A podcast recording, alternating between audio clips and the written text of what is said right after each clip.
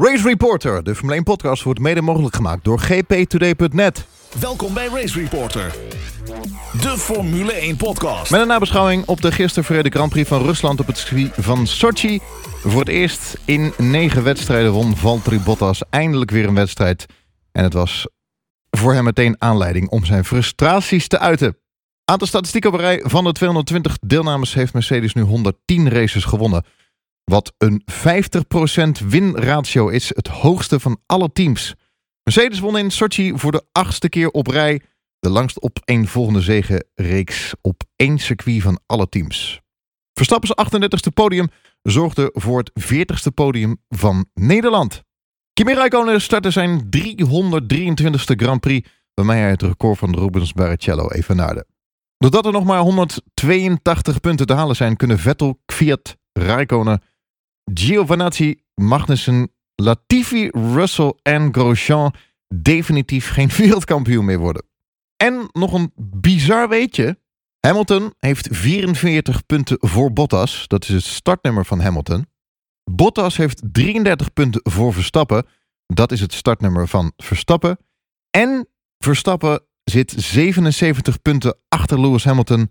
Wat het startnummer is van Bottas. Race Reporter, de Formule 1 podcast. Ik ben Lucas Tegen en we zitten hier in ons onderkomen, ons re- regenachtige onderkomen in Haarlem. Met eh, opnieuw niet ons vaste team. Vandaag is Jeroen Scholte afwezig wegens eh, andere verplichtingen.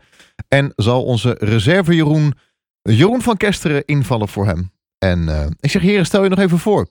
Ja, mijn naam is dus Jeroen van Kesteren. Ik mag invallen voor Jeroen Scholten. Eh, ik ben marketingmanager en medeoprichter van Trackside Legends. Ik volg de Formule 1 zo'n eh, 20 jaar nu. En eh, ik ben fan van Damon Hill. Nog steeds. Nog steeds, ja. Ja, maar daar kan je niks aan Ja. doen.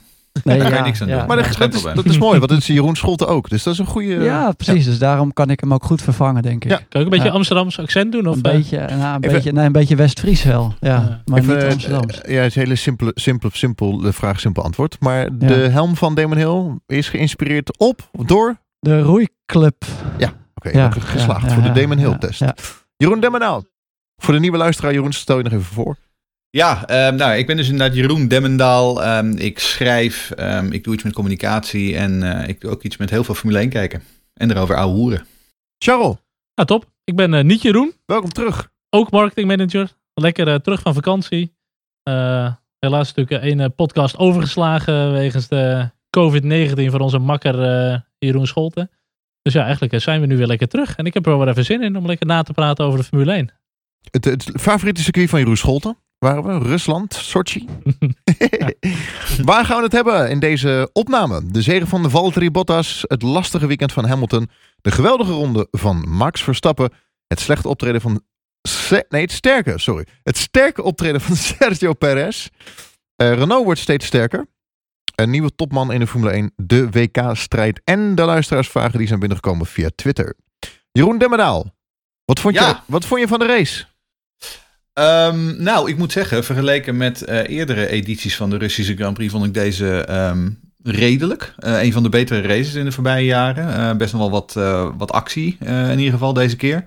Aan de andere kant, het blijft natuurlijk, want ik bedoel, het is ook mijn favoriete baan, ehm, maar dan niet. Het is echt een hopeloze betonbak wat mij betreft. Een van de, in een van de zielo's, eh Potemkin-dorp aan, de, aan de Zwarte Zee.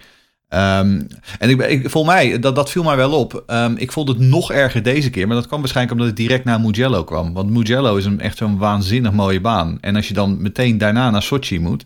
dan is het gewoon twee keer zo lelijk. En twee keer zo zieloos. Is, is deze ook niet een beetje vergelijkbaar met Valencia? Want dat Ja, zit ik in wou het mijn net zeggen. herinnering Ja. ook echt zo'n mega betonbak. Had je wel iets meer eh, sfeer en iets... Valencia vond ik wel, wel wat leuker, ja. Ja, maar het was qua baan het was natuurlijk geen, geen ziel, zeg maar. Het blijft gewoon een bak beton. Nee, Alleen nee. de layout was Ja, al wat klopt. beter. Maar, Ik moet zeggen, als je gaat simracen, dan, eh, daar had ik het dan op Twitter ook over.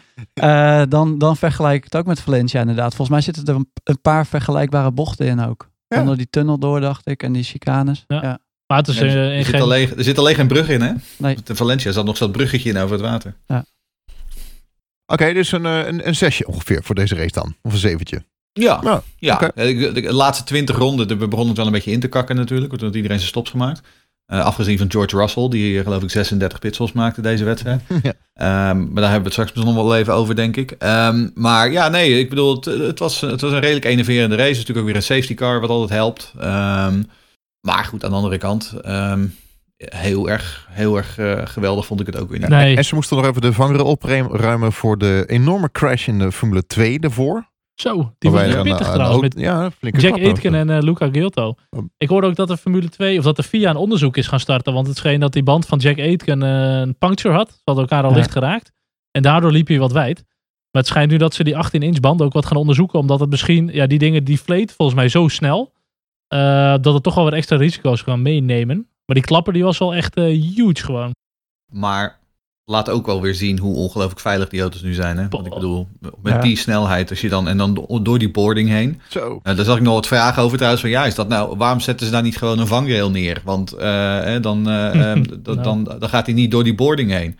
Toen werd er een, eh, ik- ik zag iemand op Twitter die maakte een verwijzing aan het ongeluk van Olivier Panis in Canada in 97. Ja. Maar het verschil was nou juist dat Olivier Panis, die, die brak allebei zijn benen. En ehm, Luca Giotto en Jack Aitken, die stapten gewoon uit. En dat komt door die speciale ehm safer barriers. Ja, het zijn van die Tech Pro eh, barriers. Maar wat ook een voordeel is, en dat kan je misschien vergelijken ook met een beetje met Hubert. Die werd echt terug de baan opgebounced. Eh, Ja. en, en hier zo, ze gaan er eigenlijk een beetje doorheen eronder door. Maar ze komen ook niet meer terug op de baan. En dat is ook wel heel Ja. belangrijk. Hoor, want dan dat zou je absoluut niet willen dat er iemand op hoge snelheid weer, eh, weer aankomt. Nee, en door de halo krijg je ook niets op je helm. Dus dat is op zich Nee. ook goed. Ja. Maar ik, ik ken eh, Luca Giotto ken ik nog aardig vanuit eh, de Russian Time Formule 2 tijd. Ik dacht, nou laat ik hem even een appje sturen, weet je wel, hoe het met hem gaat. Maar hij zei, oh, niks aan de hand. Hij is uitgestapt, hij had nergens last van, geen pijntjes, Zo. niks of zo. Maar hij heeft nog wel geluk gehad dat hij dan niet bedolven is onder zo'n zo'n stil- stuk van die barrière van die Tech Pro. Als je je auto niet uitkomt en hij was in de fik, Ja. Dan heb je wel een ander probleem. Want die eh, marshals met die eh brandblussers waren ook niet echt in de buurt. Nee. Maar het is gelukkig eh, goed afgekomen zo. Ja, ik dus denk dat- hij net op tijd eruit was. Ja. Maar daar gaan ze het zeker over hebben inderdaad. Want die auto Ja. zit in de fik. Goed, we hebben een vraag binnengekregen van Rick. Ja, Rick die vraagt hoe lang kunnen de FOM, Liberty en de Formule 1 een circuit waar een virtual safety car nodig is om track limits aan te houden nog serieus nemen? Ehm, nou, het antwoord daarop is zolang eh, de Russische sponsoren eh, hun enorme ehm, eh, hosting fee betalen. Ehm, wat uiteindelijk is dit natuurlijk gewoon een commerciële reden dat we hier zitten. Ik, maar verder, ja, de, de, de, de, eh, de natuur van de vraag is wel duidelijk. Ja, de- al die enorme lappen asfalt, dat is ook een van de redenen waarom dit ook zo'n zieloze baan is. Omdat je bijvoorbeeld, hè, ver- vergelijk het weer met Mugello. Op Mugello was de track limits, dat was gewoon voorbij de curbstones, want dan Ja, lag de grind. top. En als je eraf ging, dan eindigde je gewoon in de muur. Zoals bijvoorbeeld Lando Norris we dat zagen doen. Eh, terwijl je hier natuurlijk gewoon... Ik heb heel veel, je hebt heel veel coureurs zien klagen over die, eh, die turn 1 en die turn 2. Van ja, het is eigenlijk geen echte goede bocht. Dan denk ik van nee, maar dat komt ook omdat het, er staat geen muur. Als het nou een echt stratencircuit zou zijn, dan zet je een muur aan het uiteinde van die bocht. En dan, dan zijn de track limits heel duidelijk hoor, heel snel. Ja, maar ik vind ook wel opbouw van het weekend veel leuker. Want in VT1 zie je ze ook allemaal even wijd gaan. Zich wat verremmen en zo. Ja, op zo'n Mugello heb je dan gewoon echt een probleem. En hier kunnen ze die limiet steeds verder opzoeken. Even eroverheen. En dat vind ik juist zo leuk. Dat je er eigenlijk niet overheen moet kunnen. Want dan heb je gewoon meteen een probleem. Ik denk, denk dat Saints precies weet wat je bedoelt. Ja, dat denk ik ook. Track denk ik limits. Ja. Ja, Saints was wel grappig hè. Die gaf trouwens, die gaf trouwens de bocht de schuld. Dat vond ik wel een mooie. Ja, maar zag na je- afloop. Zag je ook hoe Max daar wel netjes tussendoor ging. En Saints die... die Ja, fout- ja, ja, nou ja en, en, en een heel aantal anderen ook tijdens de Ja. trainingen, tijdens de kwalificatie. Maar ik vond het wel mooi. Ik- Toen ik Sainz had horen zeggen van ja, het is de fout van de bocht. Dat deed me een beetje denken aan wat Ayrton Senna ooit zei. Die crashed in Dallas in 84 en toen zei hij ja, de muur bewoog. Ja, als je er tegenaan knalt, misschien wel een stukje. Maar ik moet wel zeggen, die, die piepschuim dingen, die waren oranje. Maar dat stukje muur was ook oranje. Dus ik kan me wel voorstellen dat je in een, in een split second, dat je denkt, oh dan raak ik misschien dat stukje piepschuim. Maar dat is Ja. natuurlijk geen piepschuim. En dat laatste deel, die geeft niet echt mee. Maar wederom hier, de enige reden dat die blokjes piepschuim daar staan, is omdat hè, je mag geen tijd winnen als, Ja. je die, als je die bocht mist. Omdat je dan over, gewoon over het, normaal gesproken zou je gewoon over het asfalt door kunnen jagen. Ja. Maar als je er een muur neerzet, ja, weet je, dan, dan ver- ver- verdwijnt deze hele discussie. Want dan zijn de track limits heel Maar er duidelijk. is ook wel wat meer kritiek op die bocht. Want volgens mij is die eerste flauwe doordraaien, dat noemen ze bocht 1. En dit noemen ze dan echt bocht 2. Maar vorig jaar hebben we voor mij met Nikita Mazepin daar ook een mega crash gehad. En dat had ik hier ook met, Mm. met eh Sainz. Hij kwam wel terug op de baan. En toen dacht ik wel, oh, er zal er maar net eentje ook er tegenaan komen. Ja, ik ben daar sinds Spa misschien een beetje bang voor. Maar je kan heel naar weer terug die baan opkomen daar. Nou ja, Vettel en Leclerc in de vrije training, of sorry, in de kwalificatie, dat was heel close hè. Ja. Ja, ja. Vettel, Vettel die hem eraf klapt en vervolgens Leclerc die het hoekje omkomt. Uh, kijk, dat is dan wel het voordeel van die enorme uh, lappen asfalt. Dat ze ook aan de binnenkant dat extra asfalt Ja. hebben liggen, zodat je makkelijk... Er zitten geen blinde bochten in. Maar ja, aan de andere kant, dat maakt het ook wel gewoon een minder uitdagende baan wat mij betreft. Maar is dat, dat met die blokken, is dat toch echt alleen op Sochi? Ik bedoel, hoe leg je nou uit in een leek waarom ze linksaf tussen twee blokken heen moeten? Dat is toch, Ja, Nou ja, wat je ziet het. ik snap het wel, Ja. maar een leek die, die denkt, waar hebben we het nou over? Ja, eigenlijk wat Jeroen net zegt volgens mij, dat je anders tijd wint. Nee, dat snap ik. Dus- Maar, maar kijk, Saints had ook gewoon rechtsaf kunnen gaan en dan maar die vijf seconden kunnen We pakken. hebben trouwens een eh, opmerking van de luisteraars over science willen zeggen. Sainz. Oké. Science. Sainz. Science. Sainz. Ja, dan gaat het goed doen ook. Maar je ziet, het op, je ziet het op andere banen ook. Hè. Ik bedoel, eerst de eerste chicane Monza. Daar hebben ze natuurlijk ook extra asfalt neergelegd. Zetten ze ook van die blokken neer. Ging Vettel Eh, ook eerste, doorheen. eerste, bocht op, eerste bocht op Barcelona. Daar lag vroeger lag daar grind. Tegenwoordig ligt daar asfalt. Ja. Dus als je die nu mist, dan moet je ook zeg maar zo'n speciale hindernisroute rijden. Ja.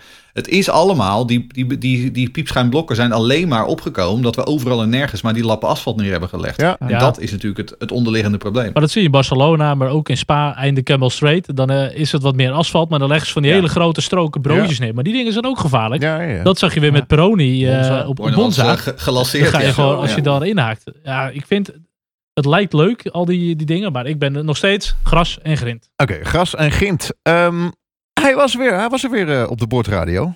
Eh, to whom it may concern, Valtteri Bottas wint eindelijk weer eens. Ja, ik vond het eerlijk gezegd een slechte winnaar. Ja, als je, als je zo'n opmerking dan maakt, dat is wel... eh, Ja, het deed me een beetje denken aan Webber. Not, good, not, not, bad for uh, a second driver. Wat hij zei. Ja, Silverstone was dat volgens mij. en het is niet de, eerste, vleugel, ja. de- niet de eerste keer dat hij het zegt. Hij rijdt in de beste auto van het hele veld. Dus ja, beetje jammer. Nou ja, heel Mercedes had dit weekend gewoon ontzettend last van Calimero-gedrag. Ehm, eh, Lewis Hamilton, die geloof ik al zeven of acht wedstrijden gewonnen heeft dit seizoen, die zegt van ja, ze doen alles om, eh, eh, eh, om me langzamer te maken. Terwijl die doodleuk gewoon de regels breekt. Staat gewoon in het regelboek.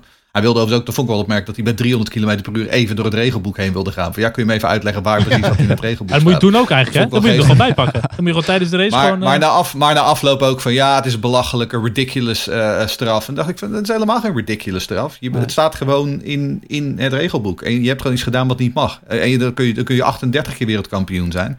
En dan vervolgens ook zo'n Bottas die dan inderdaad, wat ik zeg, met zo'n minderwaardigheidscomplex na afloop over de radio van ja, ja gaat hij een beetje krachttermen eh, eh, de radio opgooien. Eh, ik bedoel, wij doen hem alleen een pak magere yoghurt en een badmuts. Hij begint te schelden over de radio. Dus Naar ons. Naar weet ons je, ik, heb, ik heb er. Nou ja, naar, en, en naar gewoon al zijn criticasters. En daar, daar schaar ik ons dan ook maar onder. Ik vind het een beetje een zwakte bot. Ja, ik ook. En Ah. ik vond Lewis dan ook wel weer een slechte verliezer. Dus een slechte winnaar en een slechte, slechte verliezer. Maar mocht Bottas nou echt hebben gewonnen op zijn eigen kwaliteit, en dat weten we nu natuurlijk niet, want als Hamilton die straf niet had gehad, had Bottas hem wellicht kunnen winnen. Ehm, maar hij heeft hem eigenlijk in zijn schoot geworpen gekregen. Ja. En dat je dan Ja. nog je kritiek was. Ja. Ja. Eigenlijk klopt dat helemaal niet, want hij heeft er gewoon cadeau gehad. En als je dan nog kijkt naar het klagen van, eh, van Hamilton en je vergelijkt dat met eh, hoe Ricciardo daarop reageert. Mooi hè? Eh, Fantastisch. Ja, dat hij gewoon zegt, mijn fout, ik maak het wel goed. Ja, mijn Ja. fout. Ik rij wel wat, wat sneller inderdaad. ja, dus Ja, lachen. zo kan het Ja, ook. nee, Ja. absoluut. Helemaal, helemaal eens. Over de straf van Hamilton gesproken. Zijn straf werd later ingetrokken. Hoe, eh, wat is het verhaal daarvan? Is dat terecht en onterecht? Nou, de, die, die puntenstraf werd teruggetrokken. En om heel eerlijk te zijn, eh, ik, ik las net, eh, eerlijk gezegd, ik las net ook al dat Verstappen en Vettel allebei na afloop hebben gezegd dat dat puntensysteem wel een beetje eh, doorgeslagen is. En ik ben het daar wel 100% mee eens. Kijk, iemand strafpunten geven op zijn, op zijn licentie, dat is iets wat je doet bij hele serieuze vergrijpen, wat mij betreft. Maar het feit dat nu hè, door, een, door een aantal van die kleinere eh, eh, overtredingen, dat Hamilton nu al 10 punten op zijn op zijn licentie heeft staan, dat is natuurlijk gewoon absurd. En, en Dat is echt een absurd. schorsing, een schorsing met 12. Maar toch, de allerbeste Ja, coureur bij het allerbeste team, die in theorie het vaakst vooraan rijdt in vrije lucht, krijgt het wel van elkaar om de meeste punten te pakken. En dat vind ik dan wel weer zorgwekkend. Want jongens die Ja. misschien wat minder mensen hebben, minder goed in de materie zitten, jongens die veel in het middenveld vechten, die weten het wel eh, vrij clean te houden. Dus ik vind dat ook wel zorgwekkend. Ja, maar het, het is meer gewoon het principe. Ja. Ik, want ik, ik bedoel, ik, heb het, ik voel hetzelfde over de, het superlicentiesysteem. Dat puntensysteem, dat is al, daar ben ik al jaren ziek van. Dat vind ik helemaal niks. Eh, volslagen onnodig. En ik, ik moet zeggen, dat vind ik hetzelfde met dit puntensysteem. Want als iemand echt volledig over de schreef gaat, neem een, eh, eh, een, een Ferrucci in de F2. Weet je, dan bestaan daar gewoon reglementen voor. En dan bestaan daar gewoon stewards voor om daar gewoon duidelijke penalties voor uit te delen. Ik- maar dit, dit, ik, vind, ik vind dit eh, heel erg onnodig. Ja, ik denk ook eens. dat je, eh, dat je die vergrijpen zou je ook moeten kunnen opnoemen. En ik kan ze zo niet opnoemen bij Hamilton. Nee, nee Dus, klopt. Ja, Mm. Laatste Ja. keer 2019 een paar... eh, ja, ik weet ze ook niet ik uit mijn weet hoofd, het echt inderdaad. niet. Nee. Als ik aan vergrijpen denk, moet ik meer denken aan een Grosjean. Die, Ja, Bijvoorbeeld, dat wil ik ja, zeggen. Die heeft dus een periode gehad dat hij echt gigantisch veel hele Ja. domme dingen deed. En alles Ja. aan gort reed. Ja, dan kan je op een gegeven moment zeggen van jongen, misschien Maar die je... werd, die werd op een gegeven moment ook aan de kant gezet, Ja, toch? Eh, volgens mij Grosjean. één race Twee of drie races. Ja, of zoiets. Ja, hij is aan de kant gezet, ja. Daarna mo- Maar, daarna ja, mocht hij weer. Schumacher, hè, natuurlijk. Schumacher in 94, die kreeg de een na de ander. Maar ja, Schumacher die eh, reed een halve wedstrijd rond op Silverstone. En die negeerde een zwarte vlag die hij had gekregen. Klopt, ja. Eh, dus die negeerde gewoon een disqualificatie. Ja. Ja. kijk, als je dat soort, als je Ja, zo duidelijk de regels breekt, ja, dan Ja. vind ik wel dat je daar een schorsing voor uit kunt geven. Ja. Maar ik bedoel, dit soort dingen, weet je, ja, oh, je maakt een, een proefstart op een verkeerde plek, kom op zeg. Ja. Hij is al genoeg gestraft door die 10 seconden. Ja, klopt. Maar die punten werden dus ingetrokken omdat het een beslissing was, fout van het team en niet van, niet van de rijder. Eh Lewis kan niet tegen zijn verlies. Eh, hij zei eh, later, ze proberen mij te stoppen. Ja, maar dat is dus, dat is dus niet zo. Nee. Hij overtrad gewoon een regel Ja. en kreeg daarvoor een straf. Ja. Ik bedoel, Er was een andere coureur die dat deed, hè? Dus eh, dat, Nee, klopt, dat dat zegt genoeg volgens mij. Ja. Ja. Ja, maar je hebt gewoon een voordeel. Want als, stel, hij had nog niet zijn bitepoint voor de start goed. Of hij heeft gewoon een voordeel om een Ja. beter bitepoint te vinden. Ja, waar die andere gasten een proefstart doen op een hele punt Ja. met rubber. Nee, maar hij, Ja, zei- hij natuurlijk ook, natuurlijk ook aan de hand van Monza, hè? die eh, straf die hij kreeg. Maar goed. Het weekend van Max en Red Bull. Ja, dat ging natuurlijk eh super goed eigenlijk in de kwalificatie. En eh, mede door Bottas. Dus ja, om hem nou een natte krant te noemen altijd. eh, dat is hij natuurlijk wel. Maar hij helpt Max dan natuurlijk wel eh, daar. Eh, het was een fenomenale ronde. Maar wel echt enorm geholpen natuurlijk door Bottas. Ehm, ja, hoeveel zou dat gescheeld hebben? Eh, op zo'n rondje, op zo'n kwalificatierondje? Nou, een paar tienden toch wel, denk ik. Nee, dat denk ik niet. Nee? Voor mij is die run naar eh, dat, dat rechte stuk op niet zo heel lang. Het scheelt misschien eh, twee tienden of zo. Nou, ja, nou ja, nee, nog dat- niet eens. Ja, ik weet het niet. Ja. Moeilijk. Dus ja, daar is natuurlijk wel de basis ook gelegd, denk ik, voor de race. Ehm, en daar haalt hij weer het maximale uit, volgens, ja, zoals ik dat zie. Nou ja, sowieso het feit dat hij, hè, ongeacht of hij één of twee of drie tiende wint, dat hij al zo dicht bij eh, Mercedes zit, dat hij er dus eh, voorbij kan komen. Ja. Dat, dat eh, zegt al genoeg. Ja. Want ik bedoel, als je kijkt naar die enorme ronde van, van Hamilton. ehm, ik bedoel, wat dat betreft heeft Bottas het natuurlijk gewoon niet goed genoeg gedaan. En Max Verstappen heeft echt het, het maximale uit die Red Bull geperst. Ja. Ook het feit denk ik dat Albon dus nu zo ontzettend ver achter stond, geeft ook voor mij ook wel aan hoe ongelooflijk goed die ronde van Verstappen was. Ja, Ja. Sowieso. Eigenlijk het seizoen van Max is gewoon echt weer heel goed. En zo'n seizoen als dit ook. Die vrijdag Mm. is gewoon niet makkelijk. Ze zijn echt aan het struggelen met die auto. eh, met die achterkant. Goede setup vinden. eh, niet blij met het vermogen. En dat hij eigenlijk zaterdagochtend en in kwalificatie die auto nog zo weet neer te zetten. Ja, ik vind het echt knap hoor. En ook de race gewoon zo goed gereden. Ja, hij zet in principe geen stap verkeerd. Twee, Nee. twee vragen binnengekregen. Eentje van Rob de Voogd. Ja, Rob vraagt eh, waarom maakt Verstappen weer een slechte start? Start op P2, maar ligt in no time P4. Starten voor Badmuts, Bottas dus. Eh, maar Bottas wint de Grand Prix door staf, straf van Hamilton. Had Verstappen niet gewoon kunnen winnen met een goede start? Ja, dat, dat denk ik toch niet. Eh, sowieso, Max stond op de vuile kant. En dan zag je iedereen daar, die kwam vrij slecht weg hoor. Perez kwam niet zo goed weg. Sainz en Norris werden ook aan de linkerkant ingehaald door alle concurrenten. Ehm, het is jammer dat hij niet goed wegkomt. Hij heeft niet zo'n goede start als dat hij wel eens kan maken. Ehm, maar of de race echt zo heel erg anders was geweest. Ja, ik denk zelfs in het slechtste geval dat hij misschien wel derde had kunnen worden. Ehm, ja, ik denk niet dat hij sowieso Bottas voor had kunnen blijven. En eh, als je dan je banden aan gort gaat rijden of je gaat te veel vechten met Bottas. Het is allemaal als-als. Maar ik, ik had geen manier gezien dat Max deze race had gewonnen. Nee. Nee, ook gewoon dat hij simpelweg de pace niet had. Dus weet je, dan, dan had je ervoor gezeten. Maar vervolgens na vier ronden was je met DRS gewoon waar ze gewoon voorbij getuft op het rechte stuk lijkt me. Ja, kijk, en ze zijn heel blij van we splitten de Mercedes'en. Maar dat, dat, dat gebeurt alleen als Mercedes een slechte dag heeft. En dat is nog niet op tempo gebeurd. Tuurlijk, het is een mooie opsteker hoor, na twee uitvalbeurten. Maar eh, ja, één zwaluw maakt nog geen zomer. Het was wel weer toevallig hè, dat Netflix er was en dat het dan slecht ging met, eh, met Mercedes. Ja, Vorig jaar, Tenminste met eh, Hamilton dan. Vorig jaar Hockenheim was dat. Ja, Ja, wat ja, een rampenweekend. Ja, Zou Lewis het weg gaan boycotten? Dat het niet uitgezonden mag worden? Of, eh, Ja, wie Och, weet. Ja. Mijn god, ja. Eh, onze grote vriend, eh, fan vanaf dag 1, Dennis Burgersdijk. Die eh, herstellende is van Ja. de operatie. Het gaat goed met hem trouwens. Ik had hem nog aan de lijn vandaag. Hij heeft ook een vraag. Ja, hij, hij zegt: Vrienden, ik meen dat Honda heeft gezegd dat er geen nieuwe specs meer komen dit jaar voor de motor. Eh, dat heeft hij inderdaad goed gehoord, dat is correct.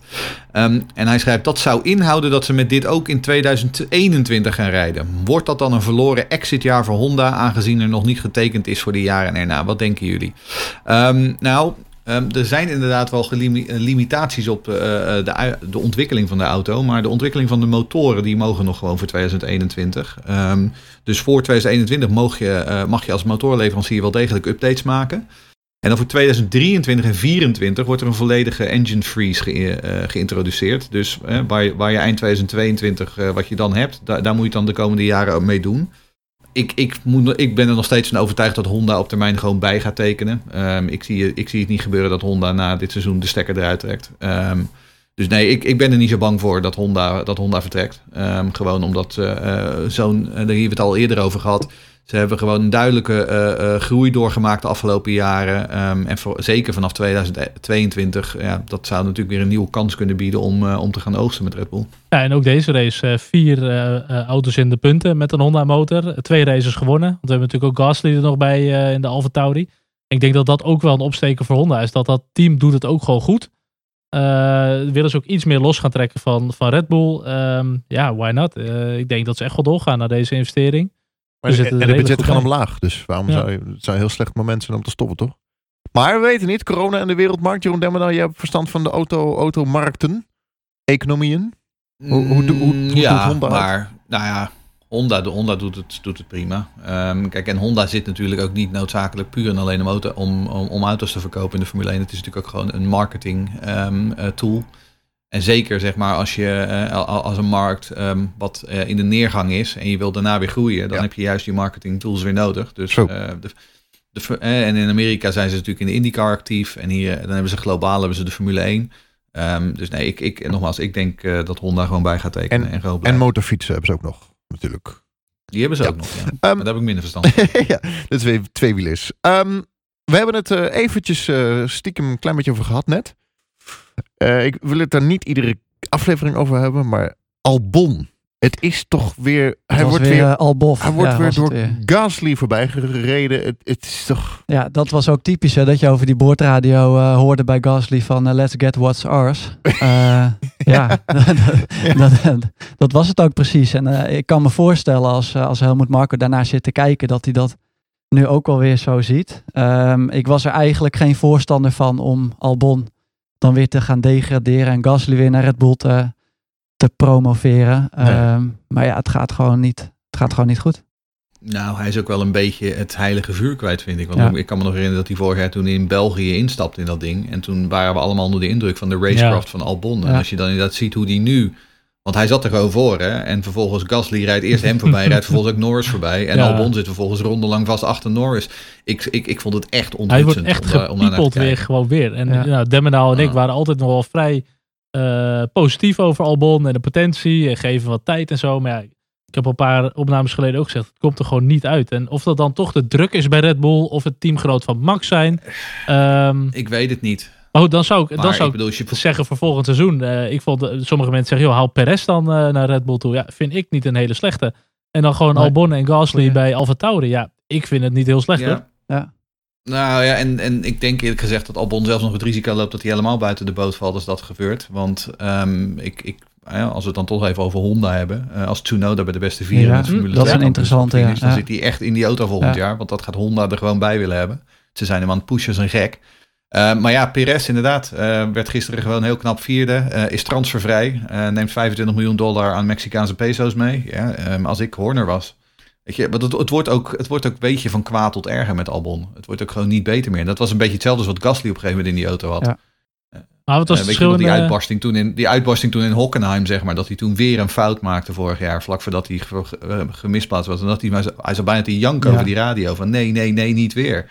Ik, heb het, ik, ik begin steeds meer het idee dat ik eigenlijk dat Albon een beetje in dezelfde situatie aan Het, het het doet mij ineens een beetje denken aan Luca Bad- Badouer in die Ferrari. die, Ja, maar dat was echt wel van een probleem. die bakte er ook. In de mine, Oh ja, Die mocht er toen een die, keer oh, ja, toen die, eh, Die ja, ja. er ook Ja, ja, helemaal ja. niks Ja, Ik heb van. nog gezien op Zandvoort tijdens de Masters Ja. met zo'n demonstratie. Ja, Ja, Ja, dat was wel ik, ook. vet. ik sta er met hem op de, ik sta er met hem op de foto. Oh, ja. Als we het nou hebben over een uitstraling van een pak yoghurt. Ik bedoel, ik heb een, ik heb een groot hart voor Luca Badouer, maar Ja. een, eh, een flitsende persoonlijkheid was het niet. Nee, nee. Ehm, nee, dus ik, heb, ik weet het niet. Maar ik, ik, ik, ik gok dat ze Albon het seizoen er wel af laten maken. Maar Maar alleen dat gat al in de kwalificatie, dat kan toch niet gewoon. Ding eh, Eén ding is duidelijk, Albon wordt geen wereldkampioen dit jaar. De titelstrijd gaan we het over hebben. Hamilton nog steeds aan kop. Spanning achter de top drie. Hamilton, let op, dit is heel... eh eh, al het Kalf kwam hiermee. nou, ik zag een tweetje Hamilton, van alle Hamilton 44 punten voor Bottas. Dat is het startnummer van Lewis Hamilton. Bottas heeft 33 punten voor Verstappen. Dat is het startnummer van Max Verstappen. En Verstappen zelf heeft 77 punten achter Lewis. En dat is weer het startnummer van Bottas. Kennis der getallen. Is echt onder de numerologen van ons is dit echt een natte droom volgens mij. Dat kan Ehm, geen toeval zijn. maar goed, feit voor mij is... eh, en nu? ja, en nu... En nu, ja, dat is nu, zitten we nu een beetje naar te kijken naar die cijfers. En ja, ja, dat is zo, Ja. ja. ja, Kijk, ik heb liever dat Max gewoon 33 punten voor Hamilton staat. Ja, dat gaat ook nog niet gebeuren. Nee. Maar ehm, 77. nou ja, kijk, ja, bijvoorbeeld nog ook. Maar goed, feit blijft dat Hamilton nog steeds gewoon echt ver los is. Ehm, Bottas heeft ook gewoon een redelijk gat naar Max toe. Ehm, en dat moet echt heel gek lopen als dit nog gaat wijzen onderling. Ik zie dat echt niet zomaar meer gebeuren. Maar goed, dat Hamilton kampioen gaat worden, daar hebben we volgens mij al lang al een eh, voorschot opgenomen. Tenzij die beste man eh, misschien corona krijgt. Maar goed, dat gun je niemand en dat zie ik ook niet Nee. zomaar gebeuren. Ehm, en Bottas P2 zie ik ook wel toch een beetje als een zekerheidje met deze auto. Ja, why not? Kijk, het, het interessante is dat gevecht erachter. Met Norris die gewoon nog vierde Ja. staat. Albon eh één puntje minder. Eh, Ricciardo ook één puntje minder. Dan heb je Leclerc nog, Stroll, Perez. Alles zit wel een beetje in elkaar daarachter. Ja, er zit 20 punten tussen de P4 en P10. Eh, Norris is vierde ehm, met, eh, met 65 en Gasly is tiende met 45. De Formule anderhalf, Ehm, hè, zoals ik- dat... eh, Ja, Ja. Ja, absoluut. Maar het is, het, is, het, is, het is waanzinnig. En als je dan ziet hoe Perez dan zeg maar eh, met twee wedstrijden minder op zijn naam eh, slechts één puntje achter Stroll staat. Dat vind ik dan ook wel weer, eh, Ja. wel, wel, weer heel- wel weer mooi om te zien. Leclerc die natuurlijk gewoon, wat is het, 40 punten of 45 punten meer heeft dan Sebastian Vettel. ja dat, is echt, dat gat is echt gigantisch. Eh, die Vettel gisteren ook weer, joh. Echt, echt gewoon ja, helemaal nergens. Helemaal nergens. echt jammer was dat. Maar en het ve- ve- gevecht dat iedereen een beetje vergeet. Dat is plek 16 tot en met 21. Er zitten maar twee punten tussen. En dan heb je het van Kimi tot eh Grosjean gewoon. eh, Mm.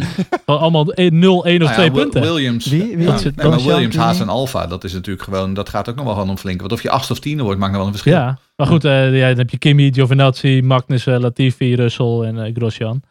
Maar goed, qua teams ook, eh, ook achteraan. Ja, stel eh, Williams wel ineens een gekke race, of Haas. Ja, je kan in Ja. één keer één of twee Mm. plekjes stijgen en eh, je hebt echt wel weer wat extra Ja. miljoenen binnen. Ja, McLaren 106, Racing Point 104 Ja. en Renault 99. Ja, en dat is Racing Point Dat is natuurlijk met de punten die ook zijn afgepakt eh, vanwege het, het kopiëren natuurlijk van eh, Mercedes. Maar er is toch genoeg om te winnen. En ik denk het middenveld, ja, ik vond het echt een fantastische strijd. Maar daar gaat Jeroen Demmerdaal zo nog wel even wat over vertellen, denk Je ik. ziet dat ook wel per race volgens mij best wel verschillen. Dat dan weer Renault eh, wat beter gaat, dan weer McLaren, zeg maar. Ja, Eh, Renault gaat vooral veel beter sinds ze Ja. ach- onder de tafel achter de scherm iets geregeld hebben met Mercedes natuurlijk. Ja, en Ja. je ziet gewoon dat McLaren ook een beetje momentum aan het verliezen is. En dat vind ik dan wel weer jammer, want die gun je het ook alweer. Het is ook wel een beetje een rampweekend voor McLaren dit natuurlijk. Eerst Sainz die zo'n beginnersfout maakt. En dan Norris die in principe in de punten ligt. Maar dan op die laatste setbanden gewoon echt hopeloos verzuipt. Ja. Uiteindelijk werd hij 14 of 15 geloof ik. Dan moest hij nog extra naar binnen. Ja, dat zei, dat zei Charles, Ehm. Charles zo net. eh Sainz eh, mikt op een oranje blok. Maar volgens mij mikte hij op een oranje teamgenoot. Dat kan ook nog namelijk. Dat zou ook nog wel bijna kunnen. Ja, het scheelde weinig. Maar ze zakken een beetje weg. Renault gaat eh, knalhard. IJzersterk. McLaren faalt het gevecht om het middenveld. Sterk Renault. Eh, sterk Renault, inderdaad. Ehm, het, het is in ieder geval, er wordt nu echt consistent punten gehaald. Ehm, ik moet wel zeggen, ik, ik, ik vind Ocon toch nog steeds wel gewoon een beetje tegenvallen. Ocon had de betere start van de twee. Lag op een gegeven moment gewoon netjes vierde. Maar laat zich dan ook toch wel weer gewoon eh, piepelen door Ricciardo. Eh, want ik bedoel, als je, ik, ik, ik zat echt, op een gegeven moment laat Ocon, die laat Ricciardo gewoon voorbij. En dat vind ik heel erg sympathiek van Ocon. Maar ik weet niet of dat nou heel erg helpt. Want als je vervolgens ziet, dan verliest hij ook eh, twee posities ten opzichte van Ricciardo. Dus loopt hij weer eh, verder. eh, Was dat nou een op. boordradio? Of? Ik heb hem niet Ik- ik gehoord. weet het Nee, niet. ik heb hem ook niet gehoord. Het zal wel Eh, moeten, maar het was zo opzichtig. Ja. niet, nee. nee, het was zo opzichtig. Ja. Dus ze zullen waarschijnlijk hebben gezegd van, nou ja, we laten Ricciardo rijden. Maar dat een Ocon daar dan dus ook mee akkoord gaat. Ik weet niet of hij zich Ja. alvast aan het voorbereiden is op volgend jaar. Als die constant tweede viool moet gaan spelen achter Alonso. Ja. Maar Ja. eh, ik vond het een raar moment. Uiteindelijk hielp het ze totaal niet. En Ocon ging natuurlijk wel echt aan de kant. Maar die gaf voor mijn gevoel ook niet heel veel meer ruimte dan nodig was, zeg maar. Want als hij nog 10, 20 meter eerder was, dan had Ricciardo die bocht waarschijnlijk niet gemist. En Ricciardo finishte er wel 20 seconden voor. Ik denk dat Ja. ze daarbij, zeg maar, eh, uiteindelijk nog, hoe heet die? Ja, ja, eh, absoluut. Wie lag ertussen? Nog Leclerc wisten te pakken. Absoluut. Misschien had het te maken met, met eh. Monza. Dat Ocon op de boordradio een beetje een streepje achter zijn naam heeft gekregen. Ja, zou nog kunnen. Ja.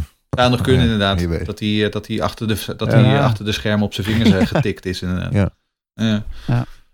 Ehm, nou ja, en Perez, ja, nog wel. Ik vond Perez heel goed bij, eh, bij Stroll Grand Prix. Ehm, eh, on- onze, onze grote vriend Lance had natuurlijk gewoon pech. hè. Ten eerste eerst in de kwalificatie. Stroll Grand Prix. Wat? Wat is dat er? een leuke grap? Ja, sorry, ik ga, het- ik, ga het geen, ik, ga, ik ga het geen Racing Point meer noemen.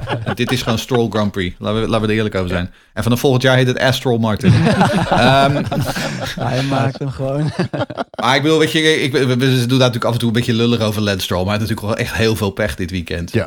Eh, eerst die, dat, dat technische probleem in de kwalificatie, waardoor die eh, niet Q2 uitkwam. En vervolgens, ik, ik snapte echt helemaal niks van dat Leclerc geen straf kreeg voor die beuk op, eh, in de openingsronde. Ja. Want volgens mij is dat gewoon een, is dat gewoon een straf. Toen ik die eerste onboard zag, ik dacht dat Stroll gewoon puur zijn apex Ja, miste. maar en toen dacht ik, ja, dan Nee, zet je de deur open. Maar ze zaten al zij aan zij. Hmm. En Stroll die gaf alle Ja. ruimte. Ja. En alsnog ging Leclerc Ja. gewoon te wijd. Ja, dat Ah ja, is- Leclerc. Ja, Leclerc zat aan de binnenkant. Ja. Hij, daar, hij, hij ging iets te hard over die, die curbstones heen. En daardoor eh, werd hij als het ware tegen, tegen het achterwiel van Stroll aangereden. En vervolgens, hij eindigt gewoon de race van Stroll. Hè. Hij, hij zet hem meteen in de muur. Dat moet consequenties hebben. Ik snap, ik snap er helemaal niks van dat het geen penalty was. a collision. Ja. Nee, Daniel Ja, die vraagt absoluut, ook. totally. eh, de vraag van Daniel die is, eh, had Leclerc een straf moeten krijgen? Rijkonen kreeg in Silverstone 2018 10 seconden voor een soortgelijk incident, ook start. En Hamilton 5 in Oostenrijk dit jaar, geen start. Ja, het is natuurlijk wel eh, de eerste ronde inderdaad, maar je e- elimineert iemand. Ehm, Ja. ja, en dat, de- daar moeten gewoon consequenties aan hangen. Want het, ja, je ziet echt dat het een beuk is. Je ziet gewoon dat die auto aan de kant eh, geduwd wordt. Ehm, dus ik denk wel dat hij daar een straf voor had moeten krijgen, ja. Het is die willekeur hè, die Ja, weer regeert. ja. Eh, en en dat is de, de- daar, daar krijgen ze maar geen vat op. Ehm, en ik, bedoel, ik, ik ben wel een fan van Michael Masi. Ik vind dat hij een, eh, Ja. een hoop dingen goed gedaan heeft. En ik moet zeggen dat de meeste, nou weet ik wel dat hij de, de, de, de beslissing niet neemt, maar hij zet wel de algehele richtingen uit. Ehm, maar ja, ik, ik weet niet. Er is weer geen, geen touw aan vast te knopen. Nee, Ehm, nee helemaal eens. Ja. Ja, te veel grijs gebied. Nou ja, en het is weer dat eeuwige gewissel. Hè? Er zit geen consistentie in die steward, omdat er bij iedere wedstrijd een ander zit. Nu had, nu had Mika Salo was dan weer die, eh, de, de, de expert. eh, die zitten wel steward. vaker. Ja, die was ook nog wat eh, dingen aan het doorspelen, toch? Naar de media. Waren ook mensen die zo blij Nou ja, die, dat, die, ik, zag dat die, ik zag dat die in de Finse pers nog gevraagd werd naar de straf van, eh, van Hamilton. En of ze hem inderdaad daadwerkelijk aan het afstoppen waren. En daar had hij één antwoord op en dat was bullshit. Ja, dat vond ik wel. Hij, heeft een liaison met de media daar, dat hij dingen mag doorspelen of de VIA of zo. Dat je denkt, you, nope. Ja. Maar ik bedoel, weet je, zet daar gewoon een, selecteer gewoon een drie, viertal eh, vaste namen. En zorg ervoor gewoon dat die iedere wedstrijd de, de, de beslissingen nemen. Want dan krijg je namelijk consistentie in dit soort dingen. Helemaal mee eens. Race Reporter, de Formule 1 podcast. Dan, breaking news. Nou, ook niet meer toch? Een, eh, een, een nieuwe... Racereporter.nl nou ja, van de week kwam het binnen. En Formule 1 krijgt een nieuwe topman. Stefano Dominicale. Zeg ik dat goed? Dom Domini- Domenicali. Dominicali. Dominicali. Dominicali. Ja.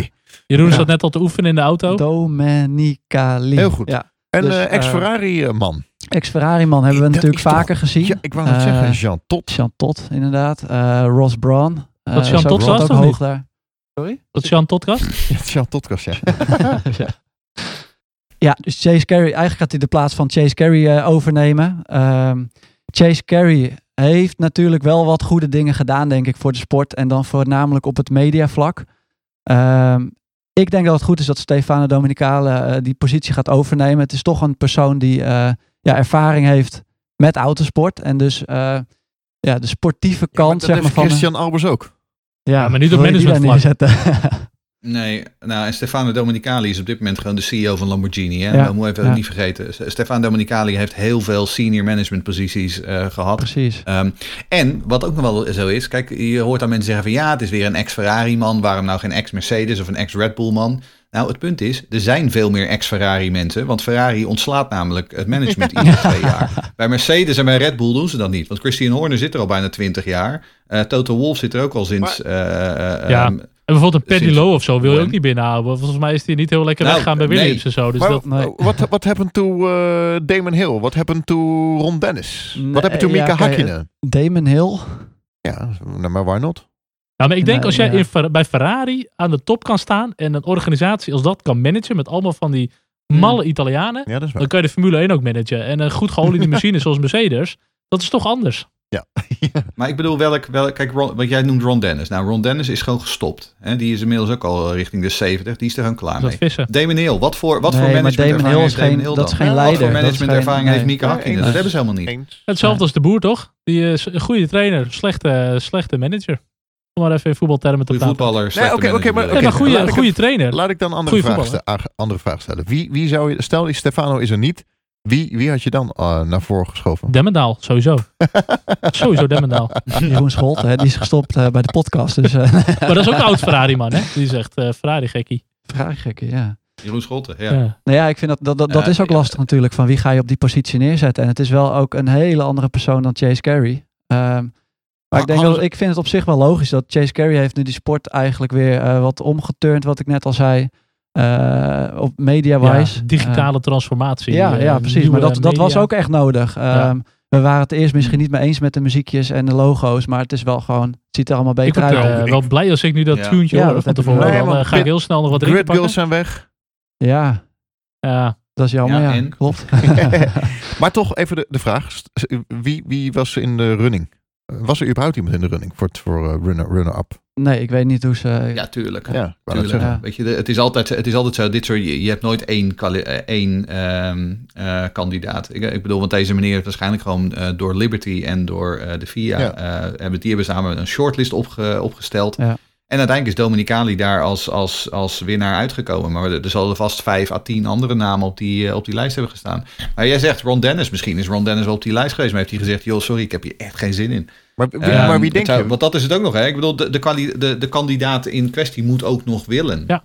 Ehm, maar ik vind het wel goed dat dat wel iemand is die ook echt uit de racerij komt. En dat is met, met Carrie, eh, die heeft inderdaad de hele digitale transformatie gedaan.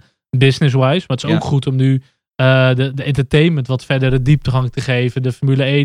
Weet je, die passie naar voren laten komen. En hij heeft gewoon, gewoon echt wel heel veel ervaring met autosport. Was dit van, van tevoren al, eh, al een plan, denk je? Dat, dat ze van tevoren al hadden, oké, gaat het een jaartje of wat weet ik Nou, wat, een dat paar denk ik niet. Ik denk dat het op termijn, ja, dat dat zo gegroeid is, denk ik. Maar, nou, Carrie heeft volgens mij al eerder gezegd dat hij het nooit voor de langere termijn wilde doen. Dat, Ja. dat hij op een gegeven moment inderdaad wel terug wilde stappen. Ehm, maar ik, ik weet niet, ik vind het, eh, wel, zo op het eerste gezicht, ik vind het wel een, een, een logische keuze eerlijk gezegd. Eh, en nogmaals, het feit dat het weer een ex-Ferrari-man is, dat is gewoon omdat er gewoon heel veel ex-Ferrari-managers zijn. Als je bij de top zat, dan zat je bij Ferrari. Ja. Exact, ja. Maar ik weet zeker dat Toto Wolf ook op die shortlist gestaan heeft. Alleen, ja, Toto Wolf, eh, die is nog steeds niet weg. die heeft nog een klusje af te maken, ja. En zal, ja. Die beheert tot 90% van het eh, Formule 1 eh ja. circus. Ik, wilde, ik, ah, ik zat het er ook op. Briatoren, maar helaas. Dat is best, Ja. Dat had ook gekund, ja. Die was, die was te druk met COVID, denk ik. ja, dat was wel mooi geweest, ja. Oh, oh, oh. We gaan verder. De vooruitblik op de Grand Prix van de Eifel. Dat is der Eifel. Hmm. Charles? Ja. Ja, wat kunnen we van verwachten? Ik denk sowieso eh, rond de 20.000 toeschouwers. Nou, dat zagen we in Rusland alweer, dat er wat mensen naast de baan zaten. Hoe het wellicht dat er nog wat, wat, eh, wat fans en luisteraars uit Nederland ook eh, die kant op gaan. Dit was, dit was Ehm, ook de Grand Prix van Europa, toch? Ja. eh, heeft het eh, Ja. zeker gegeten, ja. Ja. Met die klapper, die, die eh, sorry dat ik je onderbreek, maar die klapper van, was dat Hakkinen? Pedro Nee. Hakkinen aan het einde van Ah. de... Nee, nee, nee, Kimi Räikkönen, einde rechte stuk. Dat zijn band klapte. En die raakte nog kunnen. net niet te rijden ervoor. hem. Op Nürburgring of Hockenheim? Ja, dat was Nürburgring. Ja, ze wisselden het uiteindelijk af tussen Hockenheim en de Nürburgring een aantal jaar. Maar dat, eh, volgens mij was eh, de, de Nürburgring op een gegeven moment nagenoeg failliet. Dus dat werd hem niet meer. Ehm, ja, wat kunnen we verder verwachten? Ja, ik denk sowieso weer een Duits feestje. Want eh, Mercedes zal hier absoluut niet, eh, niet slecht gaan doen. En ik denk ook alweer regen na de race. Als ik de 24 uur van de Nürburgring zag, eh, die voor mij ongeveer 8 uur stilgelegd was. Ja, zo. maar dat was Eh, gaaf om te zien, hè? Het kan eh, vrij goed losgaan in de Eifel zo. eh, Tenminste, ja, Nou, dat was... Exact, ja. De Eifel in midden-oktober. Ik Ja.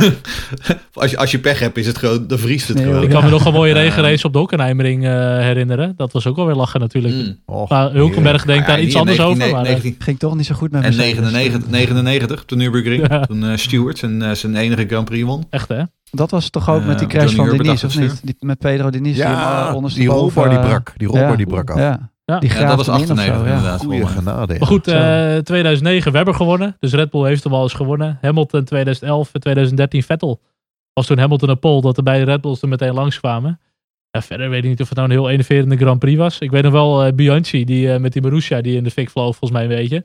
Hij uitstapt Mm. en toen rolde die auto weer half de baan over eh, door het gras heen en zo. En er was nog met eh Rijkoon en Grosjean op het podium in de Lotus. Ook wel weer eh, een mooi momentje. Ja. En hier, eh, en hier reed de, e- dit was de enige race ooit waar eh, eh, een spijker aan de kop van de wedstrijd had. Ook nog, ja. Ook nog, ja. Mooi. eh, Winkelhok. Winkelhok was hier. Winkelhok, Ja, ja. echt, hè? Dat is een DTM-naam, hè? Even, Ja. ja, Ja. klopt, ja. En over DTM gesproken, ook. Frijns die won hier natuurlijk zijn derde DTM-race eh, dit seizoen. Ja. Dus eh, Ja. hopelijk dat we het uh, Wilhelmus weer gaan horen, maar ik ben er bang voor. En ik vind die eerste bocht vind ik dan wel weer echt heel mooi. Ja, die is apart, hè? Die, Die, die is apart, die buigt. Die zegt ja, haaks, dat is hè. Castle S. Dan moet je echt. echt super diep inremmen. Dan gaat er iets off-camber. eh, Ja.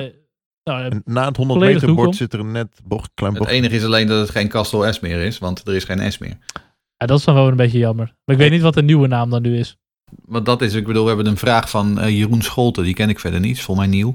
Luister- die vraagt, hey Jeroen D, ben je ook zo blij met de terugkeer van de legendarische Nürburgring? Ehm, nou ja, ik vind de eerste sectie van de Nürburgring dus echt gewoon een drama. Oh. Ongelooflijk langzaam, al die super eh, haakse bochten. Ik vind helemaal niks. Ik vond de oude Castor S, toen je gewoon over start-finish kwam en vervolgens gewoon rechts-links en, en doorging, dat was mooi. Maar ehm, ik, moet, ik, ik vind het, ik, ik weet dat de- deze sectie is er ergens begin jaren 2000 ingelegd. Ehm, ik vind het geen verbetering. De rest van de baan vind ik wel heel mooi. Op zich zou Red Bull het hier wel goed kunnen doen, denk ik, met die langzamere bochten. Ja, Mm, ja. Toch? Ja, geen extreem ja, dat zou zeker kunnen. Het ja. eh, Vind ervan, Sharon? Ja, wat vind je ervan? Wat, wat, wat, wat ik Van daarvan circuit? vind. Ja, ik vind het, eh, ik vind het geen verkeerd circuit. Nee. Ik denk alleen dat het qua Duitsland natuurlijk een beetje jammer is. Die hebben natuurlijk niet meer de gloriedagen zoals je het ooit hebt gekend met Schumacher. Alle tribunes vol en zo. Dat vind ik jammer. Nou, nu sowieso niet hoor. Maar ehm, ja, kijk, ik vind er hoort sowieso gewoon een Grand Prix in Duitsland. Ja. Eh, nou, wellicht volgend jaar met eh, Mick Schumacher. Dus hopen dat hij het... eh, nee, de, de Formule 2 rijdt daar niet. Dat is dan wel weer een beetje jammer natuurlijk. Nu niet, maar misschien. Nee, dat is Ja. sowieso jammer, hè? dat al die komende races Ja. geen eh, support series hebben. Ja. Sowieso Formule 3 hebben ze natuurlijk het, eh, het seizoen al kort ge gewiekt. Ja. Maar ook geen F2. Even detail over de Nürburgring. Het is natuurlijk, je hebt het grote oude deel, de Green Hell. Zo, Waar je ja. op Twitter heel veel, of eh, op YouTube heel veel filmpjes van ziet in diezelfde bocht, altijd dezelfde crash. Maar wat ik zo grappig vind, is dat heel veel eh, rij, mensen, mannen, vrouwen, zo, hebben dat circuitje eh, op een auto, ja. achter op een auto. Achter op ja. een auto, dat, Dat zie ik ook je vaak. zo En dat is voor de vaak. track days Dat, en zo. dat Je kan natuurlijk, ja, je mag er zelf. Het is Ja. natuurlijk gewoon een tolweg waar Ja. je op Ja. mag rijden, ja. Ik moet zeggen, ik ben er nog nooit geweest. Maar ik denk Ik dat die bij nee. Jeroen en eh, bij mij echt wel op de bucketlist Ja, staat om ja. een keer te doen. Lijkt me echt gaaf. dat Met iemand, niet in met een van iemand onze anders een auto, inderdaad. Ik Ja. zeggen, niet met onze auto's. Dan doen we er je- eh, 6 uur en 25 minuten over, denk ik. Want als je schade rijdt, mag je zelf de vangrail bepalen, betalen. en zo. Zeker, die mag je meenemen. Dan mag je je muur aan thuis. Had je toen niet, eh, je had toen ook eh, in dat, in dat eh, bestelbusje, dat er toen ook een of ander record werd Huh? gereden of zo op Top Gear. Eh, Is ja, wat mooi. Voor mij ook. Tesla en zo. Ik weet niet, doet Volvo dat ook Oh, niet? Dat ze ook die baan wel eens gebruiken voor wat en zo. Om dat te testen hoe ze zich verhouden tegenover andere auto's. Ik weet dat Tesla er wel heel erg mee bezig was.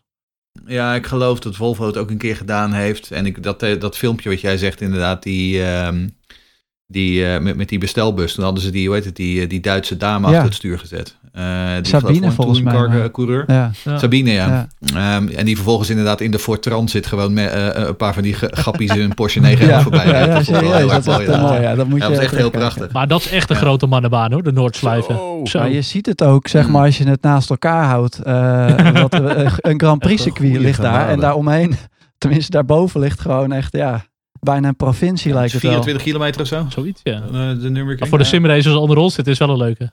Die- Hij zit in Gran Turismo al jaren. Ja. Ja, hij zit, zit overal in. Ik, rij hem nooit. Ik rij hem nooit, want ik heb, eh, mijn, mijn aandachtspannen is heel kort. Dus ik kan heel die bochten niet onthouden. Geef mij maar gewoon een oval. Maar dat is zo moeilijk. Het is zo'n moeilijke baan op... eh, Ja, op een gegeven moment eh, online heb je wel een Hmm. goede flow daarvoor. Hoor. Maar eh, als je daar in het echt rijdt, bijvoorbeeld die risico's, je kan er zo snoeihard afgaan. Nou, jongen, is niet normaal. ja, blinde bochten en dergelijke. Goed, verder eh, qua Formule 1 kalender komen natuurlijk nog wel een paar, eh, paar mooie aan. Met Portimao, Imola. Imola, Naar, eh, I Turkije love it. toe. Turkije, ja. Ja. Ja, ik ben echt heel benieuwd naar Imola. hoe Oh. dat, eh, Dan hebben we nog de Oval wat op Bahrein. gaan Nou, dat is ook vet, vet natuurlijk. Een Misschien- oval. Mag ik nog eventjes... de oval. Even een, ik heb nog even een vraagje. Eh Sjouw, jij bent op Imola geweest. Ja. Natuurlijk, die, eh, Ja. de bocht der bocht, om het maar zo te Hoe was dat? Ja, ik vond het wel. eh, ik vind het wel. Het is gewoon echt een historisch circuit, Imola. En ik was daar bij, eh, bij dat, dat monument geweest van Senna. Ja. Ja. ja, ik vind het ook wel weer. eh, ja, ik weet niet of heftig nou het goede woord is of zo. Maar ik vind het wel een hele bijzondere plek of zo. eh. Ja. Ja, ik vond het gewoon eh, bijzonder om een keer te mogen zijn. Eh, ik was eh, in Italië voor het uitkiezen van een trouwlocatie. Ja. Ik denk, ja, dan moeten we natuurlijk ook even Ja. Imola. Ja, Je had je, je verloofde toen ook niet verteld, geloof ik. hè? Je zei, oh, ik moet even hier naar rechts. Ja, moet hier even heen en dan moet even wat een pakketje ophalen. En stonden we deze op Imola. Nee, ik vind het, het is een legendarisch circuit. En ik vind het heel gaaf dat hedendaagse Formule 1 daar weer een keer gaat rijden. Even een vraag. We hebben het net over gehad over de veiligheid Formule 1. Het is allemaal heel goed en, en beter geworden. En ik weet, Tamburello is natuurlijk emotioneel. Maar kunnen we niet de discussie beginnen om weer die chicanes eruit te halen? Want dat vond ik het mooie karakterieken van, van Imola. Nee, nee, dat, Nee. Dat, gaat, dat gaat echt niet gebeuren. Is dat de emotie? Ja, dat, nee, dat gaat, dat gaat gewoon Maar ook gebeuren. inhalen en zo niet hoor, Ja. denk ik. Ja, Ja, kijk, het ja. punt is, je kon vroeger op het oude, je kon vroeger op het oude eh, Imola natuurlijk prima inhalen, omdat je die hele lange ehm eh, rit vanaf Tamburello richting Villeneuve naar richting Tossa had.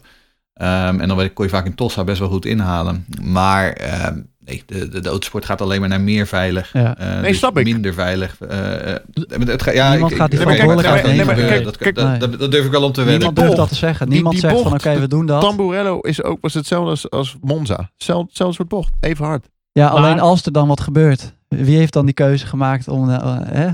Wie is Ja, en verantwoordelijk op dan? Monza heb je ook veel, heb je ook veel meer ruimte om uit, uitloop te leggen. Hè? Curva Grande en de Parabolica kun je Ja. veel meer uitloop liggen. Het probleem Ja. bij Tamburello, direct daarachter heb je de rivier liggen. Dus ze kunnen hem ook niet verder uitbreiden. Nee. En, en, en langere uitloopstroken. En er maken. liggen nog gewoon grindbakken. Dus dat vind ik ook wel goed. Dat ze niet eh, die stukjes asfalteren, zeg maar.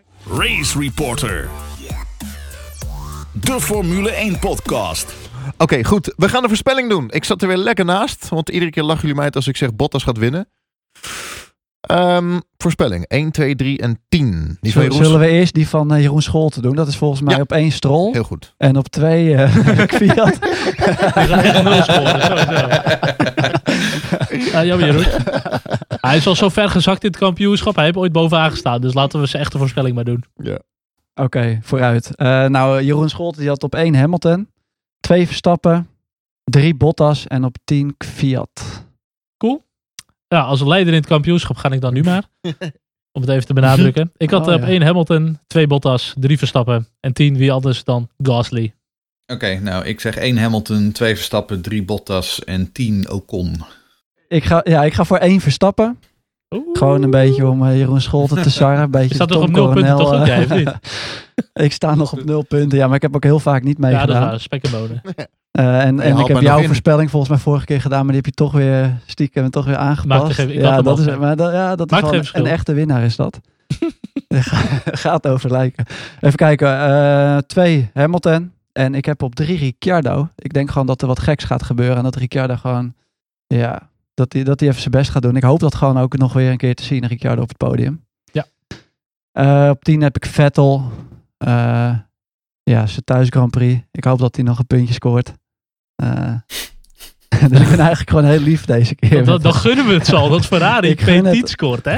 ja, ja, ja. Ja, maar dat is, het- ja, maar dat is het dus. Ik zat, ik zat, ik zat Oh, gisteren te, kijken naar die uitslag. Ferrari 6e en 13e. En ik haalde eigenlijk alleen mijn schouders op. Nou, dat is netjes. Dat is netjes. Oké. Ik- ja. het, het is al normaal geworden. Nou, zeg is eigenlijk maar, best knap dat, dat Vettel gewoon nergens is en dat Leclerc nog een paar puntjes sprokkelt. Ik, Ja. had, ik had Vettel als tiende eh, voor Sochi eh, voorspeld. Nou, dat was dus veel te hoog. Nou. Leclerc eigenlijk Ja. zevende, maar hij tikte gewoon iemand van de baan af. Dat eh, gaat ze zo spelen nu. Als het, zo, als het zo doorgaat, gaan ze gewoon wisselen. Gaan ze gewoon eh, met een Alfa, Alfa Romeo rijden. Ja. Dus, Ja. maar- ik eh, doe lekker als laatste. En ik ga weer gek doen, want slechter dan eh, deze stand kan het niet meer. Ik zeg toch één Bottas. Twee Max. Drie Lewis. Nee, drie, drie eh, Ricciardo. En nu ga ik heel iets geks doen. En Fiat ook tien. Zo, dat is gek, Ja. Lewis gaat gewoon niet Oh. het podium halen. We hebben allebei Ricciardo op drie. Dus dat, dat Ja. moet gewoon gebeuren. Ja. Als wij dat allebei denken. Nou goed. Oké. Oké. Oh, we hebben nog wat luisteraarsvragen. Nog wat extra vragen binnengekregen. Oud podcaster. Die eh, eh, heeft in Race Report gezeten. Frederik Middelhof zit nu in de... eh, Hoe zou, hoe zou oud-podcasters nog steeds nee, maar ik podcasten? bedoel in, in deze podcast. Hij doet tegenwoordig met, samen Oh, met jou de Indie, Indie zo oud is toch podcast. Green, green, green. Green, green, green. Ik heb dat tegenwoordig serieus. Als ik voor het stoplicht sta. Ja, dat is een En mijn hè? vriendin, Dat- ik vind die dus springt op groen. Ja. ik zeg iedere keer tegen de green, green, green. Maar luistert ze dan ook of dat niet? Nee, dat niet. Oh. Nee, maar goed. Nee, Eh, dat niet. maar- Dan blijft ze gewoon staan. Ik bedoel de podcast. Ja, de podcast wel. Ja. Eh, Frederik heeft de vraag gesteld. Ja, die vraag: wat vindt Jeroen Demmendaal van de nieuwe podiumceremonie met ovenwanten? Is dit een beter beleid? Ehm, ik, ik moet heel eerlijk bekennen, ik had gisteren de podiumceremonie, toen had ik mijn tv al uitgezet. Wil jij dus je vingers hier wel aan branden? Ik wil mijn vingers hier wel aan branden. Oké. Ehm, ik, ik heb geen idee. Het schijnt iets met corona te maken te hebben, geloof Nou, ik. ik heb, Eh, ik heb de, de- foto's de- teruggekeken van de, van de podiumceremonie, Oh. want ik had hem ook al uitgezet. Ehm, het lijken wel racehandschoenen. eh, dus het kunnen of namaak racehandschoenen zijn of e- echte racehandschoenen. En ik denk dat dat eh, is vanwege corona. Ja. Ja, of dat ze bang waren dat Lewis nu weer een of andere regenboog glitter handschoen aan ging doen of zo. eh. Heel klein BLM-handschoen. Ja. Nou, er was wel een, een directive over, de, over dat je je pak aan moest houden en dergelijke. Eh, ik weet Ja. niet of dit er ook Ja, mee te maken had. Ja, zeker. Hoog uh, geritst en zo. precies. Dus en daar heb ik, heb ik afgelopen weekend via Twitter heel veel eh, backlash over gehad. Toen ik zei dat ik dat je reinste onzin vond. Is dat een nieuwe regel of een oude regel die is? Ja, dat is een nieuwe regel. Dat komt natuurlijk naar aanleiding van dat hij, omdat hij vorige, vorige race die- dat Breonna Taylor eh, t-shirt aan had. De, we hebben nog wat, eh, nog twee vragen. Rolf van Hees die vraagt: zou een jaarlijkse toetsing op de reglementen een onderdeel moeten zijn van de superlicentie?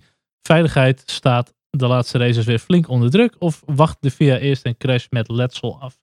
Ja, ik weet niet. Ik vind dat toch echt wel een dingetje voor de coureurs en de teams zelf hoor. Weet je, er zijn zoveel regels per race. Heb je de directives, eh, heb je weer andere eh, regels. Ja, ik vind elk jaar een toetsje doen en dan steeksproefgewijs kijken of hun kennis op niveau is. Dan denk ik, ja, maar dit is al het niveau van de autosport. Als jij een, een fout maakt, dan brand je je vingers. En de beste coureur, die kent het beste de regels en die maakt gewoon de minste fouten. Aan de andere kant is het natuurlijk ook zo dat ze, eh, ze testen bijvoorbeeld ook eh, hoe snel je uit een auto kan komen. Ja, vijf Eh, en seconden, dit toch? heeft natuurlijk ook wel met veiligheid te Natuurlijk, maken. maar van En niet 5000 alles, maar- regeltjes, dan ga je er 30 vragen. Nee, en maar dan, misschien moet je daar dan een selectie van maken. Eh, ja, ik weet eigenlijk ook niet. Beetje zoals bij de supermarkt. Dat je bij die snelkassa iets doet en dan komt er zo'n plop. Je, je moet even, even een controle. Ja. Eigenlijk, dat moeten ze hem eigenlijk doen tijdens de race. Nee, ja, nee dan, moet iedereen, dan moet iedereen hem gewoon doen. Ja, tijdens de race, want ze hebben capaciteit over altijd. Nee, Dus, ja, Ik vind als jij coureur bent en je hebt gewoon racelicentie gehaald. En dan ga je per klasse zorg jij dat je precies weet wat mag en niet mag. En dat kan jou ook weer een voordeel geven ten opzichte van andere coureurs. Ja, dat is iets dat moet je zelf doen. Oké, Nou goed, ook Ik nog ga ervan uit dat ze allemaal veilig kunnen racen. En zo niet, ja, dan krijg je gewoon een dikke penalty. Ja, eens. Eh, vraag van de baas gekregen nog. Ja, die had, ik had vorige week ook al, vorige podcast had ik ook al de baas.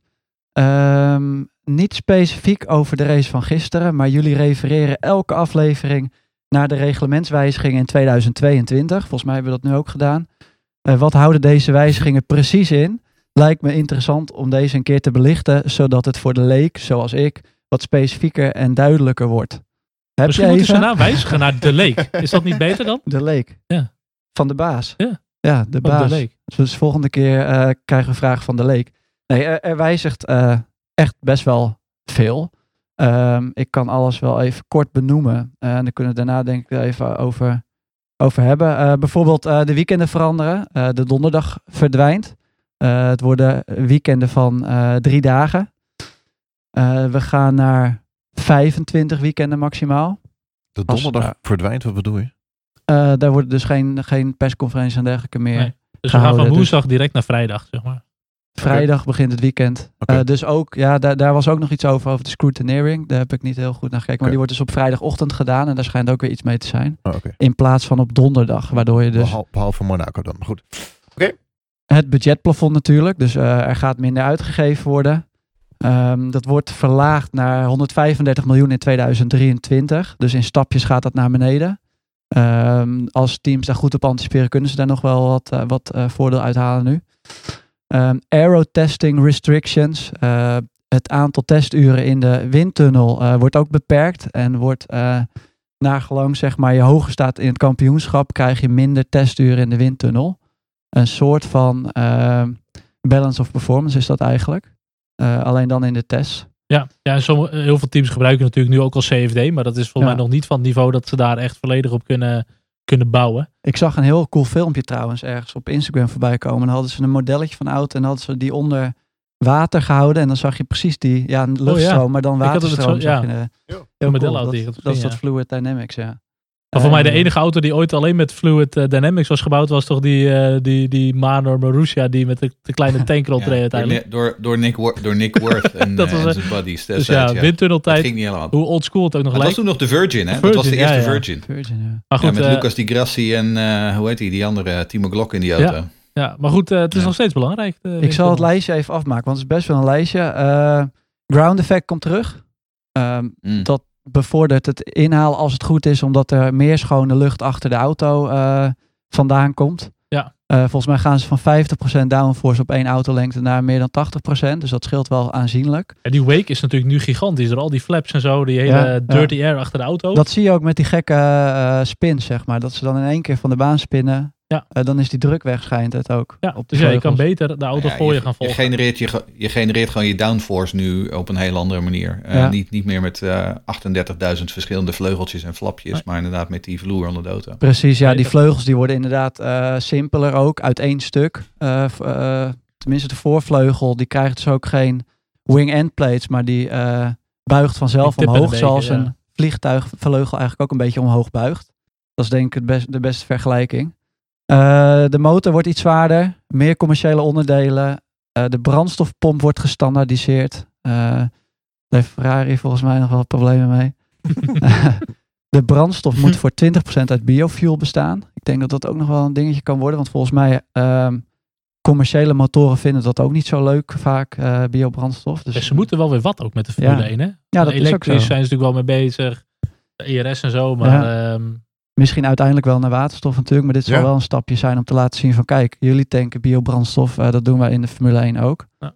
Ehm, dyno-testing van de power unit wordt beperkt. Eh, dus we mogen minder testen met, eh, met die motor.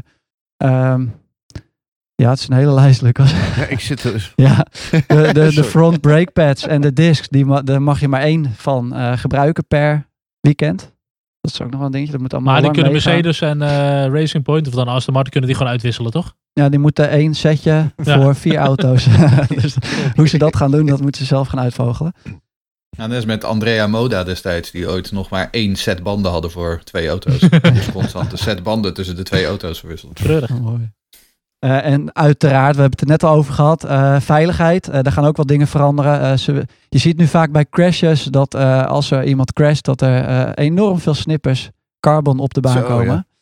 Ehm, en dat willen ze met een soort van rubbermembranen daarin, willen ze dat, eh, dat dat beter aan elkaar hecht. Ehm, zodat er niet allemaal van die snippers komen waar je je banden op kapot kan maken. Dat gezegd hebben. Wat vloog er bij Lewis af bij de start? Schoot Niet een stukje, stukje van Lewis af eh, tegen de helm van Stukje, het vizier eh, van Bottas. Dreadlock. Nee, ik weet niet. Ja, een B noemde niet dat. eh, massive B. Een B. Een B. Maar het leek mij... eh, Queen B. Ja, voor Een mij piece. was het, leek er een stukje gewoon een bonkje rubber of zo. Ik weet niet of ze dat een. B noemen, maar eh, En, en een L en een M. Ja. Oké, nou, vaag. Eh, verder met het lijstje. Verder met het lijstje. Ehm, even kijken. eh, de, de voorvleugel wordt steviger gemaakt, zodat die ook minder snel afbreekt. Eh, er komt een betere crash impact. Eh, grote kok- grotere cockpits. Ehm, waar ik ook een foto zag dat er een soort van handsysteem om het helm heen gebouwd was, zeg maar. Eh, ik heb daar nog verder niet veel meer over gehoord. Maar eh, dus ja, ik denk dat er ook wel iets no- nog aangepast gaat worden aan dat handsysteem. Misschien meer geïntegreerd nog met de helm. Grotere cockpit, dus, je mag, dus eh, mensen gaan meer bier drinken.